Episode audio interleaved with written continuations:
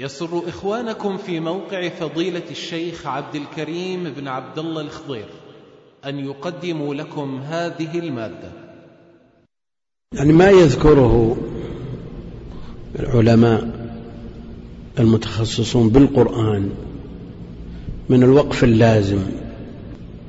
يغني عن الوصل ولا ما يغني؟ يغني ولا ما يغني؟ الحين عندك فلا يحزنك قولهم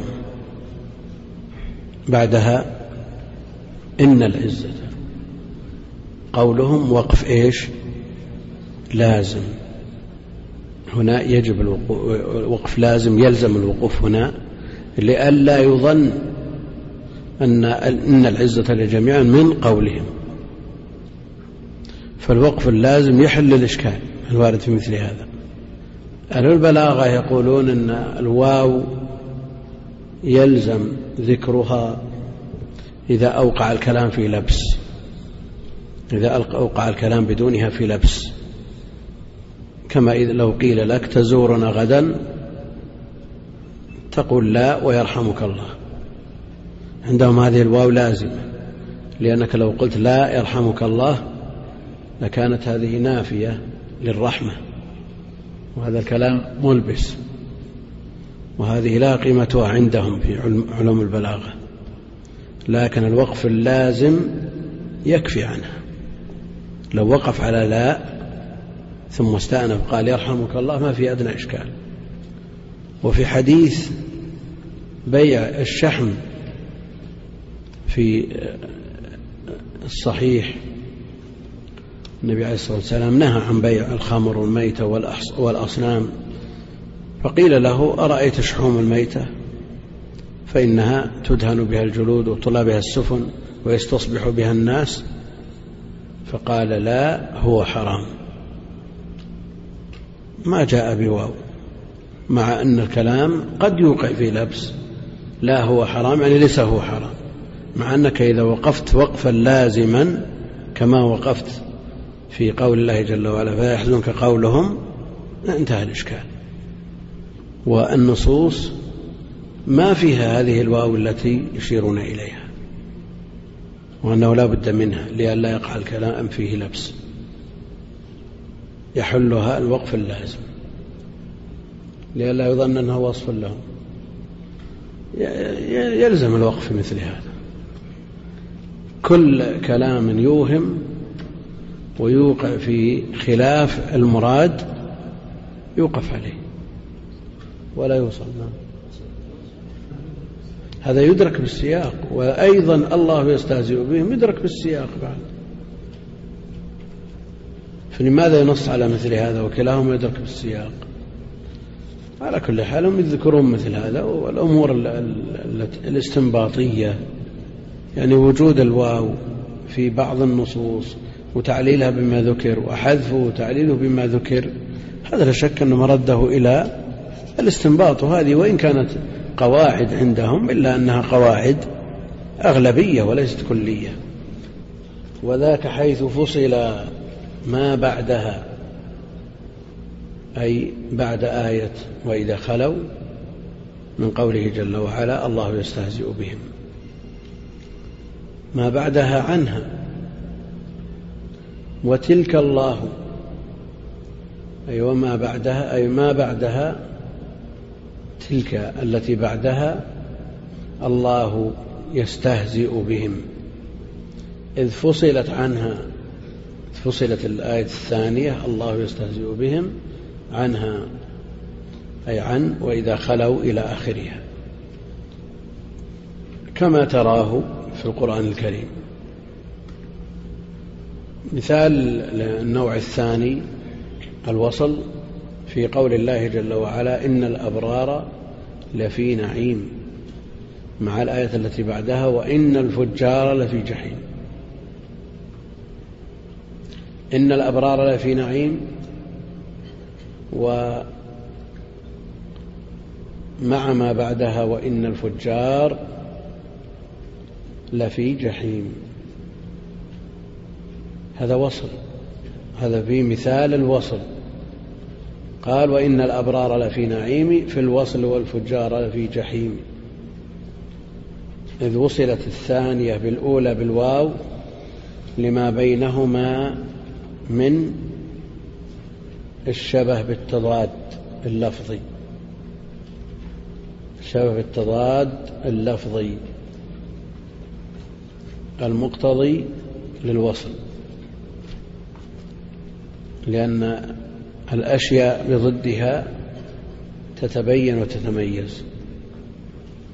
ومن أسباب تسمية القرآن مثاني أنه يذكر الشيء ويذكر ضده فيذكر حال الأبرار ويذكر حال الفجار يذكر حال السعداء ويعطف عليه حال الأشقياء. أو العكس المقصود أن مثل هذا موجود في القرآن كثير وهو موصول. نعم. صلى الله إليك. النوع الثالث والرابع والخامس. الإيجاز والإطناب والمساواة. ولكم الحياة في القصاص. قل مثال الإيجاز ولا تخفى المثل. بما بقيك لا يحيق المكر ولك في إكمال هذه أجر. نحو ألم أقل لك الإطناب وهي لها لدى المعاني باب. بعد هذا ذكر المؤلف رحمه الله تعالى ثلاثة أنواع متعلقة بالألفاظ وهي الإيجاز والإطناب والمساواة. تتنوع الأساليب بالنسبة للمتكلم حسب نوعية السامع. فمن السامعين من يفهم بسرعة بمثل هذا يناسبه الإيجاز ومنهم من هو متوسط الذي يفهم بسرعة لو أطنب له مل الكلام وانصرف عنه. وضده الذي لا يفهم مثل هذا يطنب له ويبسط الكلام. إذ لو أوجز له لاحتاج إلى إعادة وتكرار كثير حتى يفهم. وبينهما المتوسط الذي يحتاج إلى المساواة. فالإيجاز في قلة الألفاظ مع كثرة المعاني. في قلة الألفاظ مع كثرة المعاني. يقابله الإطناب العكس. كثرة الألفاظ مع قلة المعاني. ويتوسطهما المساواة بمعنى أنها تكون الألفاظ بقدر المعاني. ثم ذكر على الأنواع الثلاثة أمثلة. ولكم الحياة في القصاص. قل الآية ولكم في القصاص حياة يا أولي الألباب. قل هي مثال الإيجاز لأن معناها كثير ولفظها قليل لفظها يسير ولكم في القصاص حياة. كم كم كلمة؟ أربع كلمات. لكن تتضمن معنى عظيما لكم في القصاص حياة. قد يقول قائل القصاص موت. القصاص الذي هو قتل الجاني موت. فكيف يكون لنا حياة؟ إذا تصور الإنسان الحكم المترتبة على إقامة الحدود من ردع للجاني واعتبار لغيره به أدرك مثل هذا. فإذا قتل القاتل الجاني قتل غيره وترك ما قتل ما الذي يترتب على هذا؟ يترتب عليه أنه قد يقتل مرة ثانية وثالثة ورابعة إذا لم يجد من يردعه. وقد يترتب عليه أن أهل المجني عليه يأتون ليقتلوه وقد يستنجد بقومه فيقتل منهم ويقتل من الطرف الثاني ثم يؤخذ بالثار ثم تقوم الحروب التي هي ضد الحياة. فإذا قتل الجاني وحده واحد فقط انتهى الإشكال. بينما لو ترك بدون قصاص وبدون حياة بدون قتل لترتب عليه ما سمعنا. أن الثار الانتصار للنفس والقريب هذا غريزي لن يترك. قاتل ولدك قاتل أخيك قاتل أبيك هذا لن يترك. لا بد أن تتسبب في في قتله. وهذا جرى ويجري. إذا إذا ترك تهاون في أمره لا شك أن المجني عليهم أو أولياء, المجني عليه يأخذون بثارهم فيجهدون في قتله ثم بدوره ينتصر بقومه وهؤلاء أيضا ينتصرون بقومهم فتقوم الحروب ويحصل القتل الذريع بدلا من أن يقتل واحد وإلا القصاص قتل موت للجاني. العرب يقولون القتل أنفى للقتل. القتل أنفى للقتل. والآية أبلغ منها من وجوه متعددة. ذكرها أهل العلم في كتب البلاغة. وجوه متعددة. ولكم ولكم الحياة في القصاص. يعني في آية القصاص قل هي مثال الإيجاز ولا تخفى المثل جمع مثال. الأمثلة على هذا كثيرة.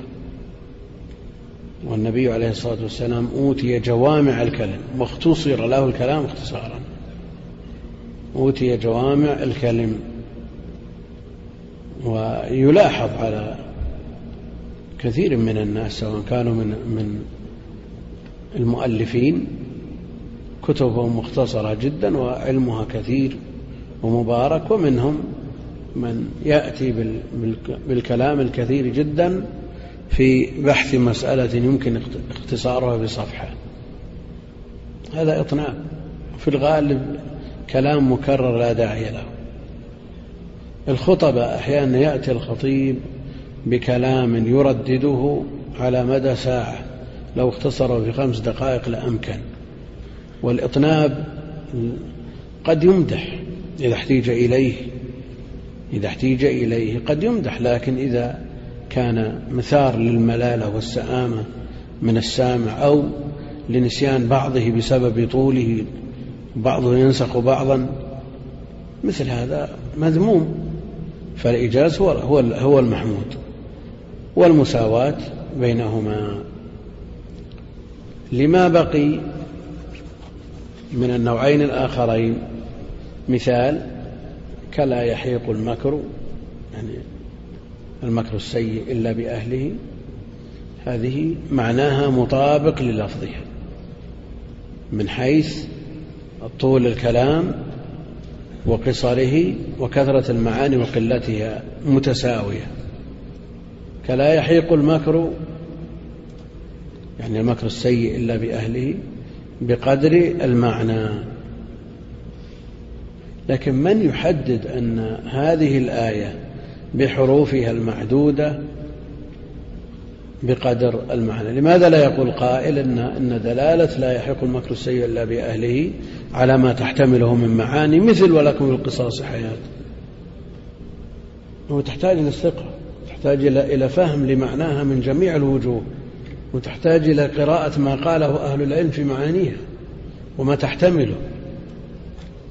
لننظر ما تحتها من من علوم وفوائد وأمور. يعني لا قد لا يتم حصرها بسهولة ولك في إكمالها هذه أجر ولك في إكمال هذه أجر. كلا يحيق المكر إن وقفت عليها يعني في نظمه تؤجر بقدر ما قرأت من حروف لكن أكملت الآية. نعم. لك الأجر في كل حرف عشر حسنات. وهذا تكمله البيت وإلا فهو من المعلوم. نحو ألم أقل لك الإطناب؟ الإطناب. ألم أقل لك إنك لن تستطيع معي صبرا؟ يعني في الكهف. وهذه الآية جاءت مرة. بدون لك وأخرى بلك. وما دام جاءت بدون هذا الحرف واستقام مع بدون الجار والمجرور واستقام معناها فوجود الجار والمجرور زائد. ما دام المعنى يستقيم بدون الحرف أو الحرفين المذكورين فهو زائد فوجوده إطناب لكن إيش معنى زائد؟ يعني خلا من الفائدة. إذا لم يخلو من الفائدة فليس بزائد لأنهم ينظرون إلى هذه الفائدة أنها من المعاني التي تحتملها الكلمة.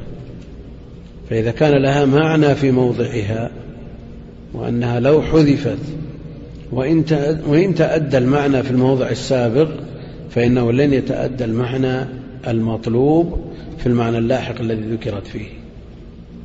على كل حال هم نظروا إليها باعتبار أنها وجدت الآية بدونها ووجدت بها واستقام الكلام بدونها في الآية الأولى فليستقم الكلام بدونها في الآية الثانية ويكون هذا من باب القدر الزائد في الكلام على المعنى الذي يحتمله هذا الكلام. فيسمونه إطناب. ولا شك أن الزيادة جار ومجرور لتأكيد الكلام لتكرر القول الصادر بين الطرفين. يعني في الأمر الأول قد لا يحتاج إليها لأن الكلام لم يتكرر. فإذا احتيج إلى التأكيد لتكرر الكلام يعني إذا وقع من ابنك مخالفة فتبين له بأسلوب مناسب وكلام مختصر. لكن إذا وقعت منه مخالفة ثانية تحتاج أن تزيد في الكلام. من أجل إيش؟ أن يرتدع. وقل مثل هذا في مخاطبة خالي الذهن خالي الذهن يلقى إليه الكلام من دون تأكيد. ثم إن تردد بعد ذلك يؤكد له الكلام. ثم إن تردد بعد ذلك يزاد في التأكيدات. نحو ألم أقل لك الإطناب وهي لها أي هذه الثلاثة لدى المعاني باب يعني لدى فن المعاني باب مستقل باب مستقل هو باب ما ذكر من الإيجاز والإطناب والمساواة. وكل في مناسبته أبلغ من غيره. فقد يكون الإيجاز أبلغ من الإطناب وقد يكون الإطناب في بعض المناسبات وبعض الظروف بعض الظروف أبلغ من الإيجاز. والمساواة هي الأصل لا يزاد في الكلام ولا ينقص منه. نعم. ثابكم الله النوع السادس القصر. وذاك في المعاني بحثه كما محمد إلا رسول علما. المساواة هي الأصل الأصل أن الكلام يكون بقدر معانيه. أن الكلام الألفاظ تكون بقدر المعاني. فإن احتيج إلى الإطناب زاد وإن احتيج إلى الإيجاز نقص. النوع السادس من أنواع العقد السادس القصر. والقصر والحصر متقاربان وتخصيص أمر بآخر بطريق مخصوص كالاستثناء مثلا. والحصر بإنما وما وإلا والوصف المخرج وتعريف الجزئين وغير ذلك من من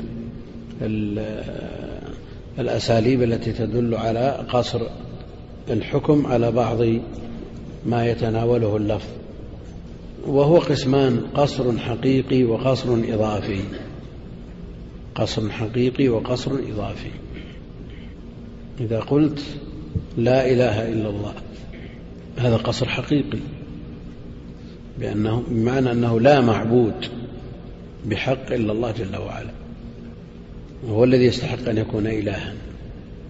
ومن عداه وإن عبد من دون الله لكنه لا يستحق الألوهية فالقصر حقيقي. وما محمد إلا رسول ما هو إلا رسول؟ يعني فقط ما له أوصاف غير الرسالة؟ وما الشاعر إلا حسان قصر حقيقي ولا إضافي؟ إضافي لأن هناك شعراء غيره. لكن القصر قصر الشعر عليه يدل على تميزه في هذا الباب. وذاك أي القصر في فن المعاني بحثه. وذلك كقوله تعالى وما محمد إلا رسول علم علماء تكمل هذه. فإنه قصر محمد صلى الله عليه وسلم على الرسالة. فلا يتعدى الرسالة التي من مقتضاها أنه بشر. ومن مقتضى بشريته عليه الصلاة والسلام أنه يموت كغيره. فلا يتعدى الرسالة إلى الخلود التي هي من خصائص الرب جل وعلا. ولذا جاء في تكملة الآية محمد إلا رسول قد خلت من قبله الرسل. أفإن مات أو قتل انقلبتم. يعني كونه رسول يقتضي أنه لا يخلد. نعم الخاتمة نسأل الله أثابكم الله. الخاتمة. نسأل الله حسنها. اشتملت على أربعة, أربعة أنواع. الأسماء والكنى والألقاب والمبهمات. إسحاق يوسف ولوط عيسى هد وصالح شعيب موسى هارون داود ابنه ابنه أيوب ذو الكفل يونس كذا يعقوب آدم إدريس ونوح يحيى واليسع إبراهيم أيضا إليا وزكريا أيضا إسماعيل وجاء في محمد تكميل هاروت ماروت وجبرائيل قعيد السجل ميكائيل لقمان تبع كذا طالوت إبليس قارون كذا جلوت ومريم عمران أي أبوها أيضا كذا هارون أي أخوها من غير, زي من غير زيد من صحاب عزا ثم الكنا فيه كعبد عزا كنا أبا لهب الألقاب قد جاء ذو القرنين يا أواب واسمه اسكندر المسيح عيسى وذا من أجل ما يسيح. فرعون ذا الوليد ثم المبهم من آل فرعون الذي قد يكتم إيمانه واسمه حزقيل ومن على يسين قد يحيل. أعني الذي يسعى اسمه حبيب ويوشع بن نون ويوشع بن نون يا لبيب وهو فتى موسى لدى السفينة ومن هما في سورة المائدة؟ كالب مع يوشع أم, أم موسى يحاند اسمها كفيت البوسى ومن هو العبد لدى الكهف الخضر؟ ومن له الدم لديها قد هدر؟ أعني الغلام وهو حيسر الملك في قوله كان وراءهم ملك هدد والصاحب للرسول في غار هو الصديق أعني المقتفي. إطفير, إطفير العزيز أو قطفير ومبهم وروده كثير. وكاد أن يستوعب التحبير جميعها فاقصده يا نحرير. فهاكها مني لدى قصوري ولا تكن بحاسد مغرور إلا إذا بخلل ظفرت فأصلح الفساد إن قدرت ووجبت من بعد ذا صلاتي على النبي وآله الهداة وصحبه معمما أتباعه على وصحبه معمما أتباعه على الهدى إلى قيام الساعة. لما أنهى الناظم رحمه الله تعالى العقود التي هي من أهم ما ينبغي أن يعنى به طالب العلم مما يتعلق بالقرآن ختم منظومته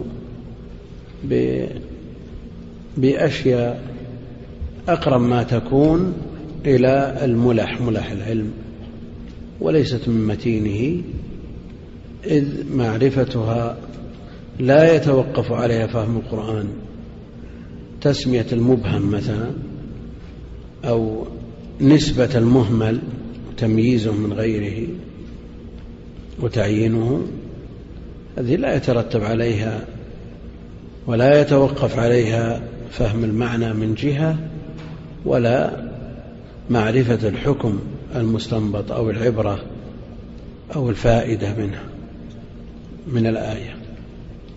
فذكر في الخاتمة أنها اشتملت على أربعة أنواع الأسماء والكنى والألقاب والمفهمات والأسماء الأعلام التي يسمى بها المولود والكنى ما صدر بأب أو أم واللقب ما أشعر بمدح أو ذم والمبهم الذي لم يعين اسمه في الكلام. فذكر بدأ بالأسماء. وذكر منهم أسماء الأنبياء المذكورين في القرآن وعدتهم خمسة وعشرون. وإلا فالأنبياء جمع, غفير. فنؤمن بهؤلاء على التفصيل ونؤمن بما عداهم على سبيل الإجمال. هؤلاء نؤمن بهم بأسمائهم وأما من عداهم مما دل عليه الأحاديث الأخرى التي دلت على أن الأنبياء عددهم كثير وإن كان في حديث أبي ذر ضعف لكن غيره يدل على أن هناك أنبياء غير هؤلاء. وهناك رسل وهم أقل من الأنبياء. فذكر منهم إسحاق وترتيبه لهؤلاء مبني على إيش؟ على الحروف مبني على حروف لا. إسحاق يوسف أول أول حرف وآخر حرف. نعم. على ترتيب ترتيبهم في الوجود الأول فالأول لا. كان آدم من آدم رقم 16 نعم. فليس له ملحظ في الترتيب إلا أن النظم تأتى له على هذه الكيفية.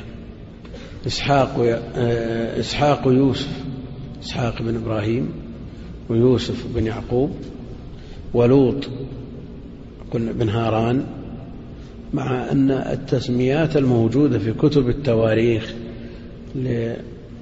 لآبائهم فيها اختلاف كبير ويقع فيها تصحيف كثير لأنها لم ترد بها سنة صحيحة ملزمة وإنما هي متلقات عن المؤرخين. ولذا في تسمية والد إبراهيم عليه السلام. اسمه آزر. هذا منصوص عليه في القرآن. لكن ومع ذلك يختلف المؤرخون في اسم أبيه اختلافا كبيرا. يعني هل مثل هذا ينبغي أن يختلف فيه؟ قالوا هذا. اختلفوا في اسمه اختلافا كبيرا. مع أن ها؟ نعم هم اعتمدوا على ما عند المؤرخين ووجهوا ما جاء في القرآن مع أن الأصل أن القرآن هو هو المرجع وهو المحفوظ الذي أما كتب التاريخ يعتريها ما يعتريها. إسحاق بن إبراهيم ويوسف بن يعقوب ولوط بن هاران كما قالوا وعيسى بن مريم وهود ابن عبد الله هكذا في كتب التواريخ. وصالح بن عبيد وشعيب بن ميكائيل وموسى بن عمران وهارون بن عمران وداود بن إيشا وابنه سليمان بن داود وأيوب بن أبيض. هذه أسماء يمكن توجد في بعض كتب التواريخ على غير هذه الصيغة لكنها موجودة على هذه على هذا اللفظ عند مؤرخين آخرين. تذن؟ تفضل.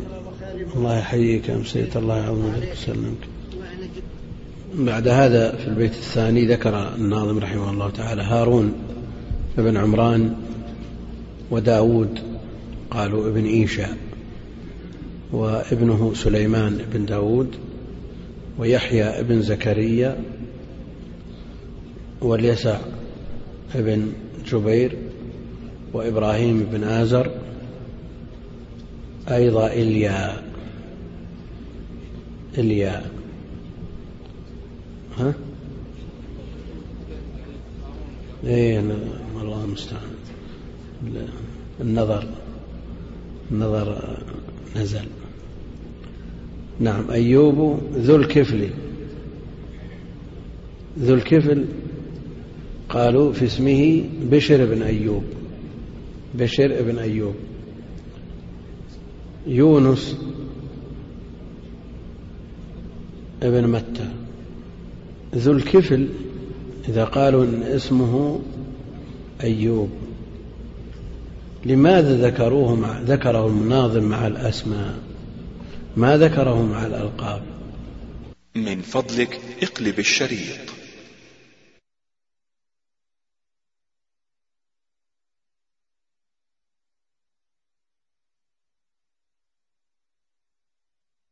لأن عندك أسماء وكنى وألقاب أي لكن من الأنبياء من, من سمي ومنهم من لقب. ذكر بالقرآن لكن الخاتم مفصلة إلى أسماء وكنى وألقاب. وذو الكفل لقب وليس باسم اسمه بشر. نعم. إي لكن يذكره لا يذكره في الألقاب. ما ورد لكن أقول يمكن أن يذكر في الألقاب لا في الأسماء. ثم الكنى بعدها ثم بعد ذلك ذكر الألقاب ثم المبهم. وذكر في الألقاب آه، ذا القرنين نعم واسمه الإسكندر وسماه يعني ذكره في الألقاب. وذكر المسيح في الألقاب مع أنه جاء أن هذا اسمه في القرآن اسمه المسيح. ما مسألة كونه نبي؟ المسألة في التقسيم إلى أربعة أقسام. أسماء وكنى وألقاب. فهل ذو الكفل اسم ولا لقب؟ مقتضى جعله مع الأسماء أن هذا اسمه.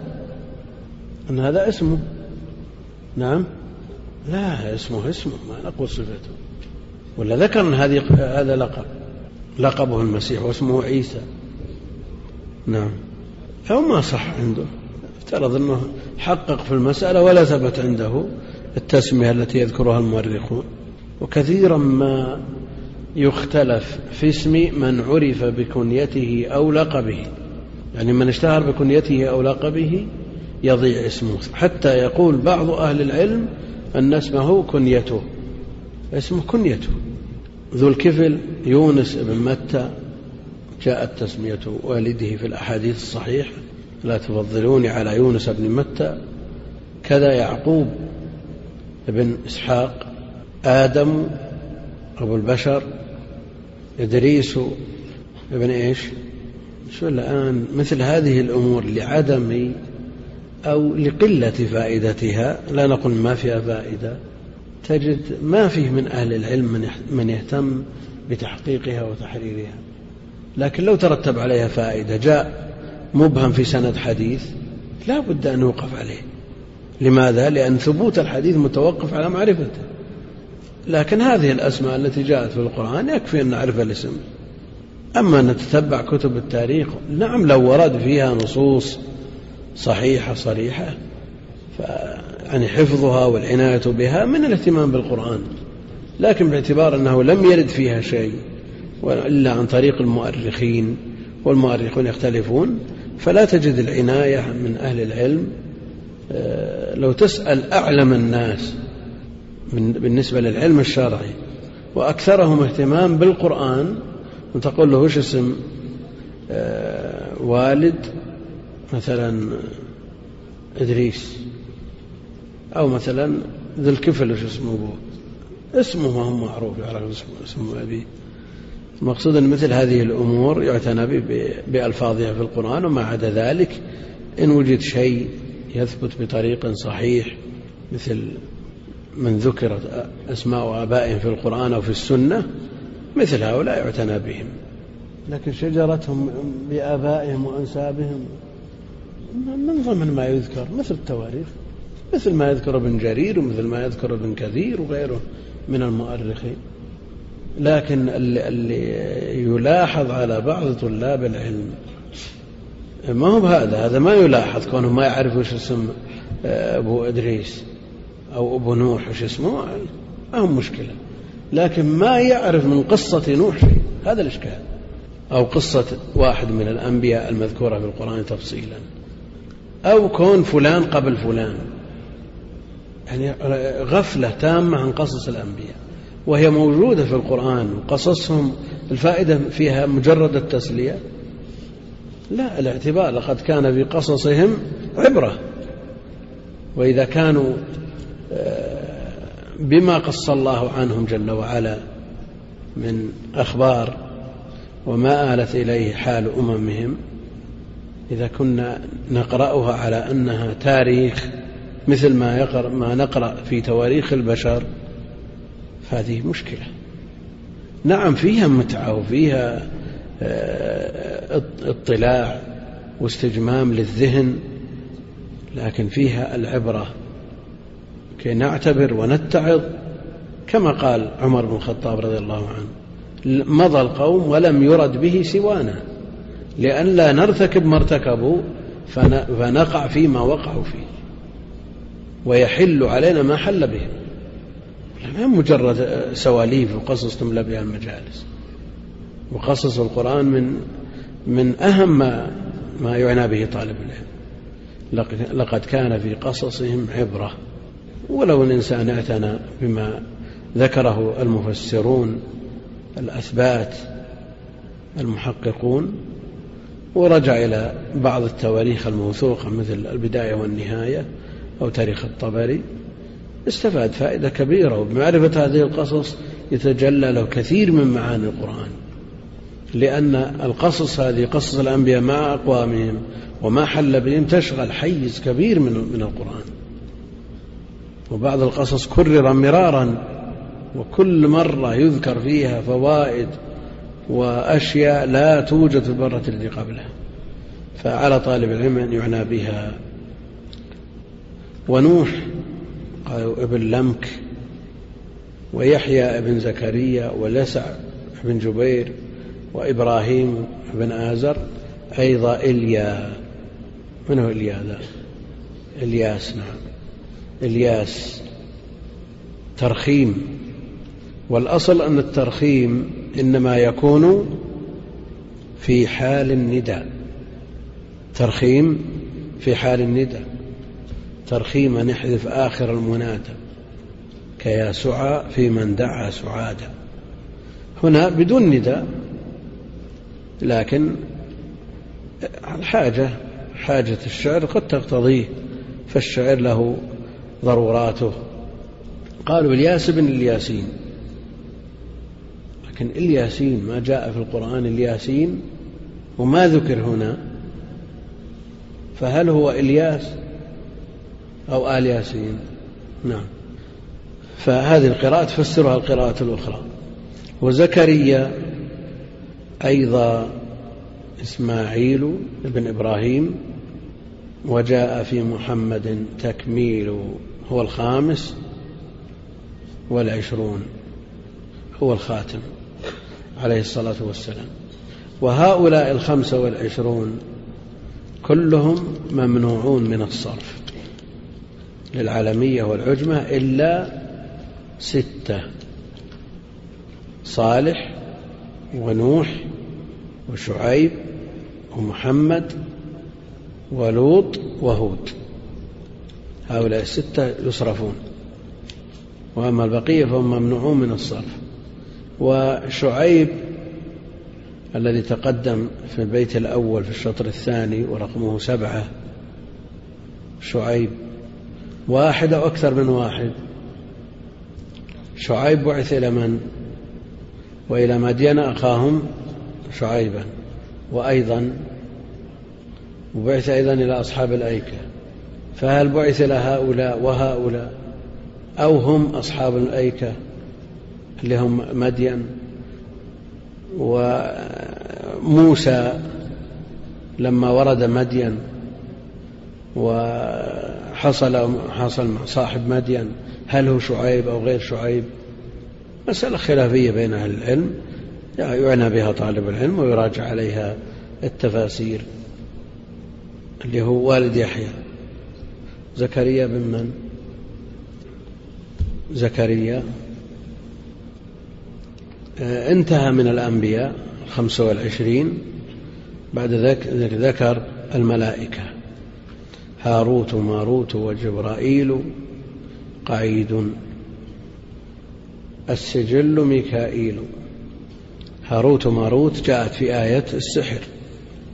جاء اسمهما في آية السحر. في سورة البقرة جبرائيل تكرر ذكره وكذلك ميكائيل والقعيد ما يلفظ من قول عن اليمين وعن الشمال قعيد. عن اليمين وعن الشمال قعيد. لكن هل هو واحد ولا اثنين؟ اثنين. اثنين. والسجل يوم نطوي السماء كطي السجل للكتب. أثبته في الملائكة.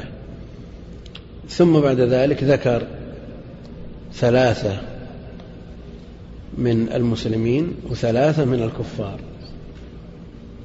وأن كان المقصود به الملك الموكل الملك الموكل بكتابة الحسنات والثاني الموكل بكتابة السيئات اللي عن اليمين وعن الشمال فهما اثنان لكن ما جاءت تسميتهم. فقعيد وصف. وصف وينطبق هذه الصيغة فعيل على المفرد والمثنى والجمع والمذكر والمؤنث إن رحمة الله قريب وقعيد ينطلق على اثنين. نعم. لقمان تبع كذا طالوت هؤلاء الثلاثة كلهم مسلمون إبليس قارون كذا جالوت وهذا هؤلاء الثلاثة ممن سمي من الكفار في القرآن. ومريم أم عيسى عمران أي أبوها. مريم بنت عمران. وليس المراد بعمران أبو موسى وهارون. أيضا كذا هارون أي أخوها. مريم بنت عمران ويا أخت هارون. كل هذا قد يقول قائل لماذا لا تكون مريم بنت عمران أخت موسى ابن عمران وأخت هارون ابن عمران؟ نعم. المسافة بعيدة جدا. مسافة بعيدة بينهم. وإن كان بعض بعضهم يقول أن الأعمار في الأمم الماضية قد تطول إلى هذا الحد لكن الأكثر على أنها ليست بأخت لهم. فأخوها هارون ليس هو أخو موسى وأبوها عمران ليس هو أبو موسى. من غير زيد بن حارثة من صحب عزة أو من صحاب عزة يعني لم يذكر باسمه من الصحابة إلا زيد بن حارثة فلما قضى زيد منها وطرا زوجناكها ثم لما انهى الكلام على الأسماء بدأ بالكنى. ثم الكنى. فيه كعبد العزى. لم يذكر عزير. ما ذكر عزير. وينبغي أن يذكر مع من؟ مع مريم. وعمران وهارون أخوها ينبغي أن يذكر عزير وهو مذكور في الأصل في النقاية. ثم الكنى فيه كعبد العزى الكنى في القرآن عبد العزى جاءت بالتكنية. جاء ذكر أبي لهب بكنيته واسمه عبد العزى. ويقول أهل العلم أن الحكمة في تكنيته وإن كانت التكنية في الأصل تكريم وتشريف يعني هل يستوي أن تقول يا فلان أو يا أبا فلان؟ الكنية ما في شك أنها تشريف. وذكر أبو لهب بكنيته لأن اسمه معبد لغير, لغير الله جل وعلا فالنطق به إيش؟ حرام. حرام ينطق بعبد العز بعبد العزى نعم. إذا تتحدث عنه. أنا النبي ولا كاذب أنا ابن عبد المطلب. نعم. كيف؟ نعم. النص القرآني ولا شك أنه يترفع عن مثل هذه التسمية. وأيضا ذكره بالكنية إشارة إلى مآله. نسأل الله السلامة والعافية. الألقاب الثالث الألقاب. قد جاء ذو القرنين يا أواب. يا كثير الأوبة والتوبة والرجوع إلى الله جل وعلا واسمه على على الأشهر إسكندر.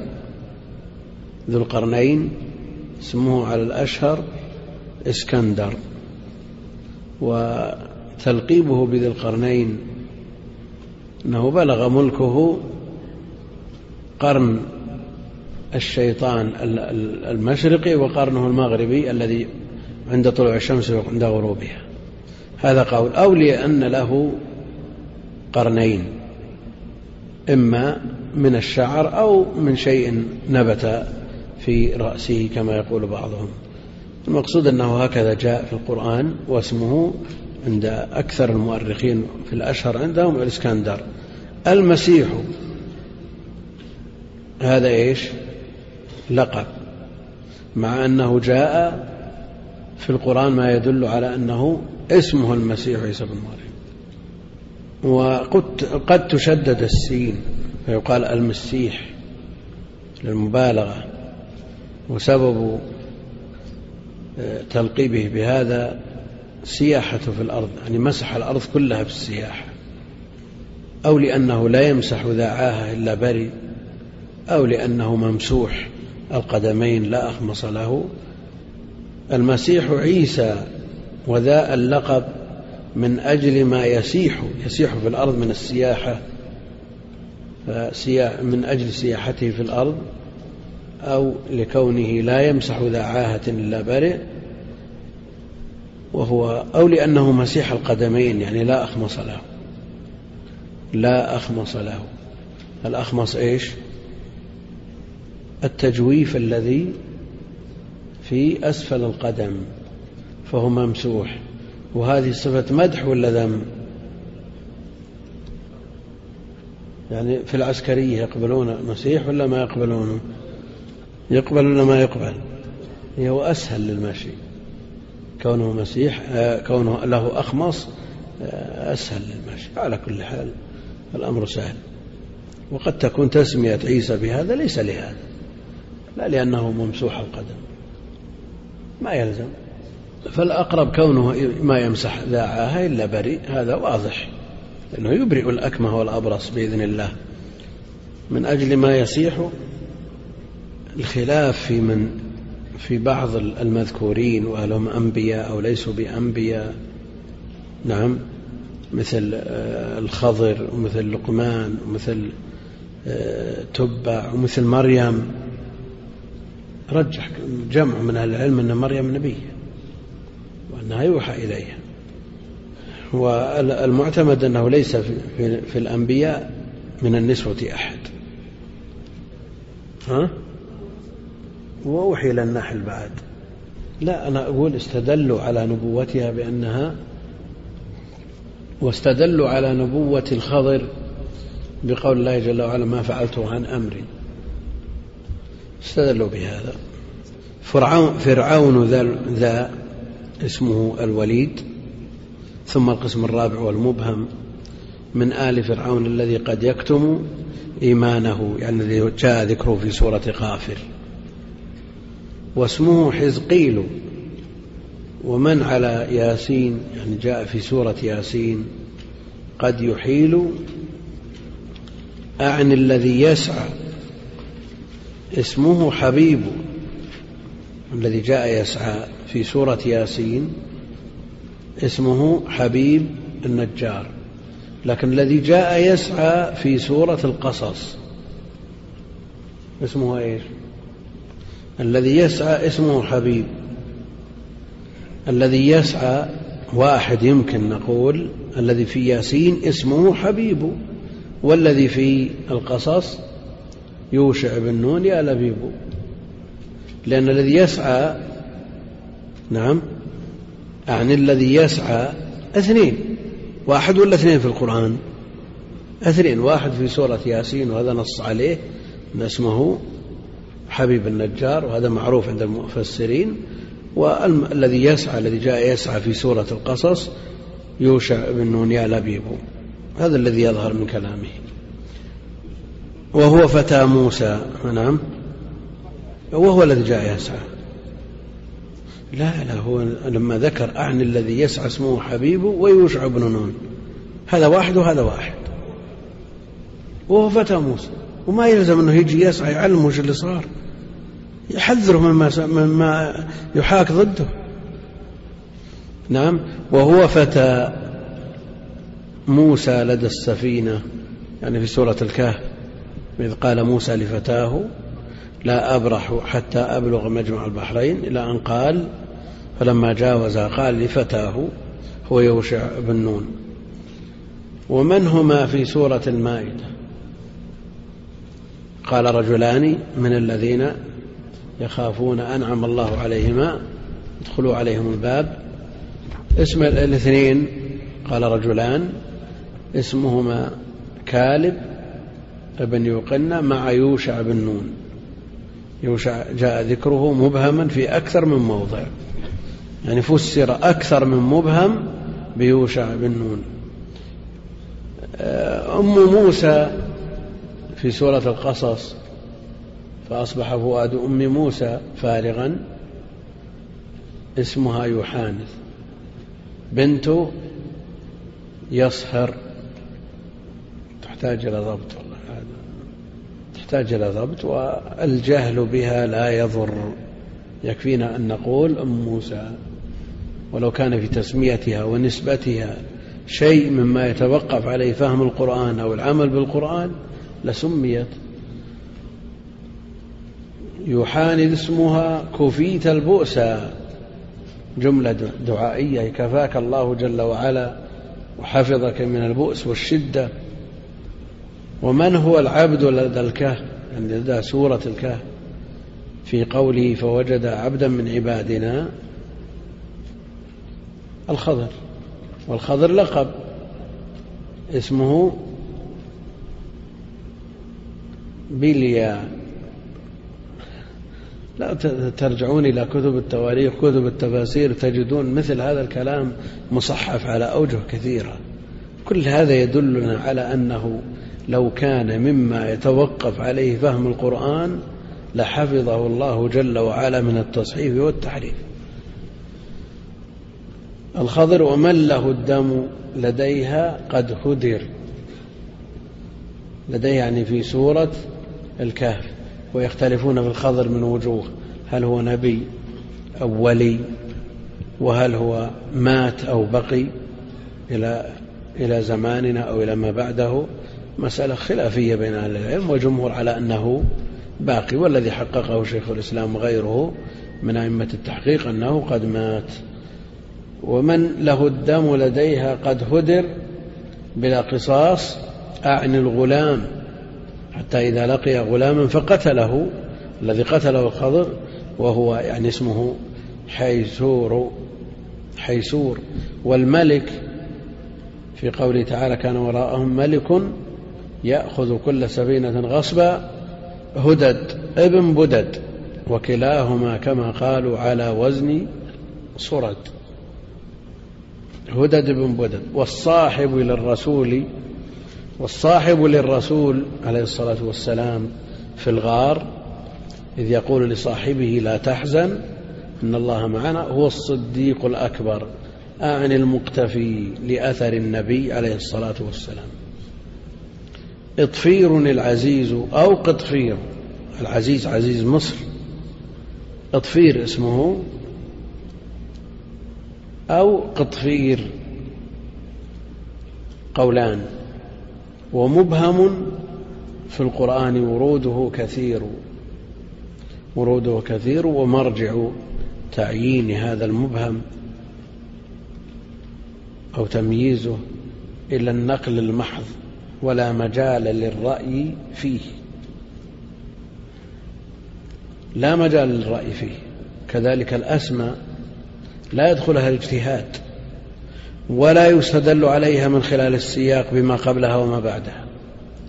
ولذا يوصي أهل العلم بتحفظ الأسماء وتلقيها عن أهل العلم والخبرة.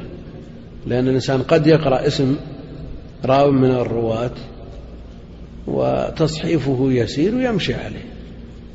يعني نعيم بن سالم لو بحث في كتب الدنيا ما وجدت شخص اسمه نعيم وهذا يدور اسمه في كتب الكثير في كتب الحديث كثيرا واسمه يغنم ابن سالم. مسألة زيادة نقطة ونقص نقطة.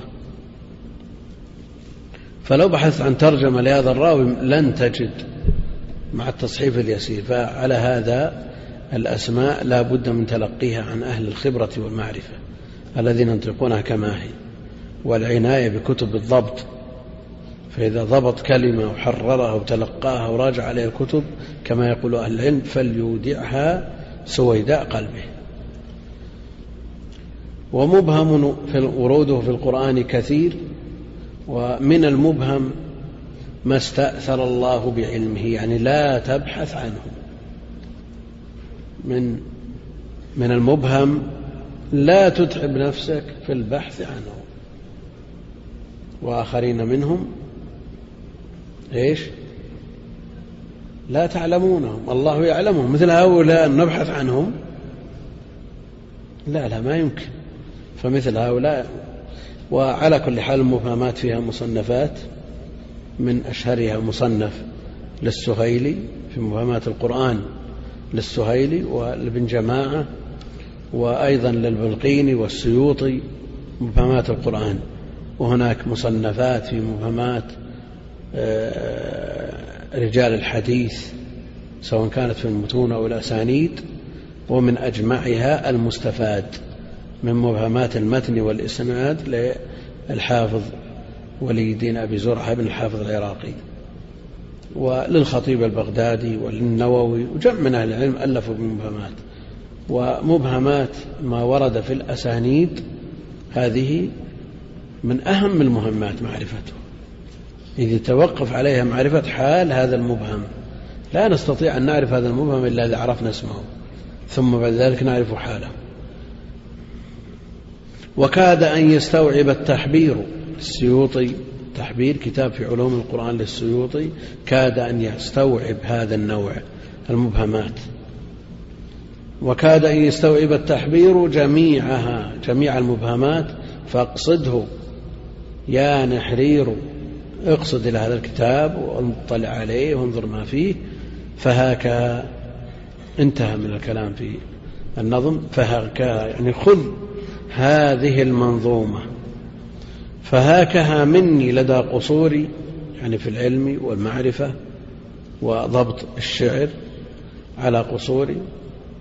فهاكها مني لدى قصوري ولا تكن بحاسد مغرور لا تكن بحاسد لي على هذه المنظومة إذا استحسنتها فتحسدني عليها وتغتر بنفسك إلا إذا وجدت خللا إلا إذا بخلل ظفرت. يعني لا تنتقد ولا تعترض لمجرد الغرور الغرور في نفسك أو حسد لي. إنما اعترض إذا وجدت خلل إلا إذا بخلل ظفرت ولا في الإطلاق فأصلح الفساد إن قدرت. فأصلح الفساد الحاصل آه، بذلك الخلل إن قدرت على الإصلاح. ومع ذلك لا تصلح في أثناء الكلام أو في الأبيات تبدل كلمة بكلمة وتعدل البيت في أثناء الكلام. يبقى الكلام على ما هو عليه. ويعلق عليه ويعدل ويصحح في الحاشية. لماذا؟ لأنك افترض أنك صححت. هجمت على كلمة فرأيت أن غيرها أصوب منها. صححتها. ثم جاء شخص وقال وش جاب هالكلمة هذه؟ ورجع إلى الأصل ومسح وأثبت الأصل. أو أنت صححت وأثبتت الأصل جاء ونقل الأصل إلى مكانه وكلامك صار مرجوح عنده. كثيرا ما يثبت في الكتب ما يستظهره المحقق ويقول كذا والذي في الأصل كذا وصوابه ما أثبت. ثم يأتي من يأتي ويقول لا الصواب ما في الأصل. وإذا عدل من غير إشارة فالأمر أسوأ لأنه قد يأتي من يعدل بغير إشارة أخرى فينتهي فيكون في النهاية مسخ للكتاب. ووجبت من بعد ذا الكلام كله الذي فات صلاتي على النبي. محمد عليه الصلاة والسلام وآله الهداة وآله الهداة أزواجه وذريته وأتباعه على دينه وأقاربه من بني هاشم وبني المطلب ليشمل جميع الأقوال وعلى صحبه جميعا حال كوني معمما أتباعه صلى الله عليه وسلم على الهدى على الهدى جيلا بعد جيل إلى قيام الساعة. وصحبه معمما أتباعه على الهدى إلى قيام الساعة. والله أعلم وصلى الله وسلم وبارك على عبده ورسوله نبينا محمد وعلى آله وصحبه أجمعين. للمزيد من مواد فضيلة الشيخ عبد الكريم الخضير يرجى زيارة الموقع الرسمي لفضيلته www.kudair.com والسلام عليكم ورحمة الله وبركاته.